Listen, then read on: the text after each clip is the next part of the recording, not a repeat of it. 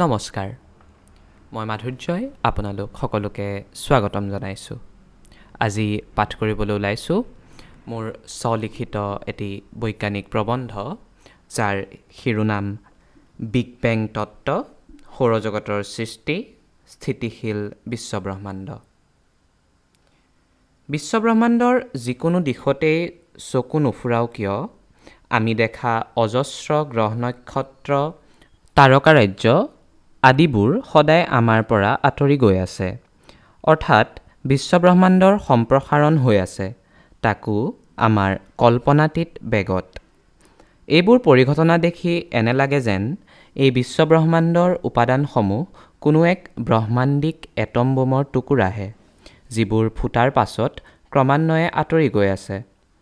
জ্যোতিৰ্বিজ্ঞানীসকলৰ ভাষাত ইয়েই বিগ বেং আশ্চৰ্যকৰ বিষয় যে আমিও এই পৰিঘটনাৰ অংশগ্ৰহণকাৰী আৰু লগতে প্ৰত্যক্ষদৰ্শী। এই প্ৰসাৰণশীল বিশ্বব্ৰহ্মাণ্ডৰ ওৰ বিচাৰিবলৈ হ'লে আমি সময়ৰেখাত তেৰ দশমিক সাত বিলিয়ন বছৰ পিছুৱাই যাব লাগিব। যিহেতু প্ৰসাৰণ হৈ হৈ বিশ্বব্ৰহ্মাণ্ডখনে আজিৰ অৱস্থা পাইছেহি গতিকে আৰম্ভণিকালত নিশ্চয়কৈ বিশ্বব্ৰহ্মাণ্ডখন আজিৰ অৱস্থাতকৈ সৰু আছিল। আৰু আমি সময়ৰেখাত যিমানেই পিছুৱাই যাম বিশ্বব্ৰহ্মাণ্ডখন সিমানেই সংকুচিত হৈ আহিব। এনেদৰে পিছুৱাই গৈ গৈ যেতিয়া আমি সময়ৰেখাত তেৰ দশমিক সাত বিলিয়ন বছৰ পিছুৱাই যাম তেতিয়াই আমি দেখিম যে আমাৰ বিশ্বব্ৰহ্মাণ্ডখনৰ সকলোবোৰ গ্ৰহ নক্ষত্ৰ নক্ষত্ৰপুঞ্জ তাৰকাৰাজ্য মাত্ৰ এটা বিন্দুত সঞ্চিত হৈ আছে। অৰ্থাৎ বিশ্বব্ৰহ্মাণ্ডখনৰ আটাইখিনি ভৰ অতিকৈ সূক্ষ্ম ঠাইত সংকুচিত হৈ আছে। ইয়াৰ অৰ্থ এয়ে যে আমি এখন অতি উচ্চ ঘনত্ব সম্পন্ন বিশ্বব্ৰহ্মাণ্ড দেখিবলৈ পাম। আমি জানো যে গেছ সংকুচিত হ'লে ইয়াৰ উষ্ণতা বৃদ্ধি পায় আৰু সম্প্ৰসাৰিত হ'লে উষ্ণতা হ্ৰাস পায়। গতিকে এইটো অৱশ্যাম্ভাৱী যে সৃষ্টিৰ আদিছোৱাত বিশ্বব্ৰহ্মাণ্ড ইয়াৰ আটাইতকৈ সংকুচিত অৱস্থাত আছিল। স্মৰ্তব্য যে সময়ৰেখাত আমি যিমানেই পিছুৱাই যাম বিশ্বব্ৰহ্মাণ্ডৰ উষ্ণতা ক্ৰমান্বয়ে বাঢ়ি গৈ থাকিব। আৰু আৰম্ভণিকালৰ উষ্ণতা ইমানেই ভয়ংকৰ আছিল যে য'ত কেৱল সেই উষ্ণতাৰ বিকিৰণেই প্ৰভাৱশালী বল যিয়ে বিশ্বব্ৰহ্মাণ্ডৰ সম্প্ৰসাৰণত গুৰুত্বপূৰ্ণ ভূমিকা পালন কৰে। বিগ বেঙৰ দোকমোকালি কালতে কোনো ধৰণৰ গ্ৰহ নক্ষত্ৰ তৰা তাৰকাৰাজ্য এইবোৰ দেখিবলৈ পোৱা নাযায়। আছিল মাত্ৰ তীব্ৰ বিকিৰণ আৰু কিছুসংখ্যক অতি পাৰমাণৱিক কণা। সময়ৰ সোঁতত লাহে লাহে ইয়াৰ পৰাই সামগ্ৰিক বস্তুবাদী বিশ্বব্ৰহ্মাণ্ডৰ সৃষ্টি হ'ল। আৰম্ভণিকালৰ উষ্ণতা ইমানেই তীব্ৰ আছিল যে বিগ বেঙৰ এক ছেকেণ্ড পিছতেই বিকিৰণৰ উষ্ণতা প্ৰায় দহ বিলিয়ন কেলভিন অৰ্থাৎ ten to the power ten kelvin আছিল। সময়ৰ লগে লগে বিশ্বব্ৰহ্মাণ্ডৰ সম্প্ৰসাৰণ ঘটিল আৰু লাহে লাহে বিশ্বব্ৰহ্মাণ্ডৰ উষ্ণতা হ্ৰাস পালে আৰু আজিৰ এই অৱস্থা পালেহি। তথাপিতো বিগ বেং ইমানেই প্ৰবল আছিল যে এই বস্তুবাদী বিশ্বব্ৰহ্মাণ্ডতো আমি বিকিৰণৰ মাজতেই ভাহি আছোঁ।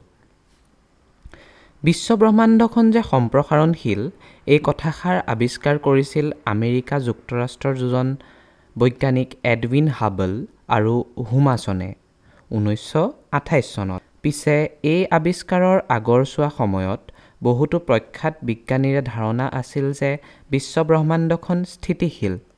অনাদিকালৰ পৰা এই বিশ্ব প্ৰায় একেই আছে। ইয়াৰ কোনো আদি আৰু অন্ত নাই। ইয়াত স্থিতিশীলতাৰ অৰ্থ এইটো বুজোৱা হোৱা নাছিল যে সকলোবোৰ স্থবিৰ হৈ আছে। ইয়াৰ দ্বাৰা এইটোহে বুজোৱা হৈছিল যে বিশ্বব্ৰহ্মাণ্ডৰ বিভিন্ন অংগ যেনে গ্ৰহ নক্ষত্ৰ নক্ষত্ৰপুঞ্জ ইত্যাদিৰ মাজৰ গড় দূৰত্ব অনাদিকালৰ পৰাই একে আছে আৰু অনাদিকাললৈও একে থাকিব। এই স্থিতিশীল বিশ্বব্ৰহ্মাণ্ডৰ ধাৰণা প্ৰখ্যাত বিজ্ঞানী নিউটনৰ লগতে আইনষ্টাইনৰো আছিল। পিছে বিজ্ঞানৰ সত্যাসত্য সঠিক সম্পৰীক্ষাৰ দ্বাৰাহে নিৰূপণ কৰিব পাৰি। মহা মহা মনীষীৰো সুন্দৰ তত্ত্বকো বৈজ্ঞানিক পৰীক্ষামূলক তথ্যই নিমিষতে ভুল বুলি প্ৰমাণিত কৰে। ইতিমধ্যে উল্লেখ কৰা হৈছেই হুমাছন আৰু তেওঁৰ সহযোগী এডউইন হাবলৰ সম্প্ৰসাৰণশীল বিশ্বব্ৰহ্মাণ্ডৰ আৱিষ্কাৰৰ কথা। এই আৱিষ্কাৰে স্থিতিশীল বিশ্বব্ৰহ্মাণ্ডৰ ধাৰণাটোক পোনছাটেই নস্যাৎ কৰিলে। বিগ বেঙৰ পাছত আমাৰ ব্ৰহ্মাণ্ডৰ পদাৰ্থবোৰ সকলো দিশতে সুষমভাৱে বিস্তৃত হৈ আছিল। এই পদাৰ্থবোৰ আছিল মূলতঃ হাইড্ৰজেন গেছ যি আছিল ব্ৰহ্মাণ্ডৰ আটাইতকৈ আদিম মৌল। এই হাইড্ৰজেন গেছবোৰ মাধ্যাকৰ্ষণিক বলৰ ফলত সংকুচিত হ'ব ধৰিলে। লাহে লাহে মাধ্যাকৰ্ষণিক বলৰ ফলতেই এই গেছবোৰৰ চাপ ক্ৰমাৎ বাঢ়িবলৈ ধৰিলে আৰু লগতে উত্তাপো বাঢ়িল। এনেদৰে উষ্ণতা বাঢ়ি বাঢ়ি যেতিয়া পাঁচশ পঞ্চাছ কোটি চেণ্টিগ্ৰেড হ'ল তেতিয়াই এটা সৰু বিস্ফোৰণ ঘটিল আৰু এই বিস্ফোৰণৰ ফলত কেন্দ্ৰত ৰখি যোৱা বৃহৎ টুকুৰাটো ক্ৰমান্বয়ে তৰালৈ ৰূপান্তৰিত হ'ল। বিস্ফোৰণৰ ফলত সৃষ্টি হোৱা সৰু সৰু টুকুৰাবোৰ কেন্দ্ৰত থকা বৃহৎ টুকুৰাটোৰ অৰ্থাৎ পাছলৈ ৰূপান্তৰ ঘটা তৰাটোৰ চাৰিওদিশে ঘূৰিবলৈ আৰম্ভ কৰিলে। এই তুলনামূলকভাৱে সৰু টুকুৰাবোৰেই পাছলৈ গ্ৰহ গ্ৰহাণু উপগ্ৰহ আদিলৈ ৰূপান্তৰ ঘটিছিল। এনেদৰেই হাইড্ৰজেন গেছৰ ডাৱৰবোৰে তৰাটোৰ লগতে তৰাটোৰ চাৰিওদিশে গ্ৰহ উপগ্ৰহৰ আদিৰ সৃষ্টি কৰিলে।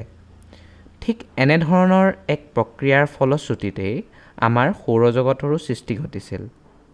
এতিয়ালৈকে আমি কৰা আলোচনাত বিগ বেং আৰু স্থিতিশীল বিশ্বব্ৰহ্মাণ্ড এই দুটা তত্ত্বৰ বিষয়ে সংক্ষেপে আলোচনা কৰিলোঁ।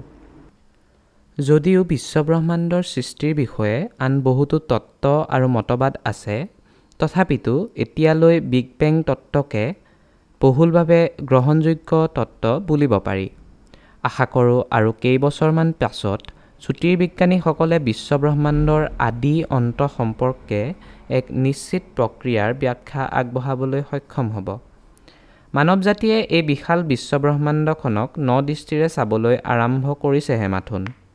বহুতো ৰহস্যৰ সম্ভেদ উদঘাটন কৰিবলৈ এতিয়াও বাকী আছে। ৰহস্যময়ী ব্ৰহ্মাণ্ডৰ সাঁথৰবোৰৰ উত্তৰ পাবলৈ আৰু হয়তো কেই দশকমান বাকী। আৰু আমি আশাবাদী। ধন্যবাদ।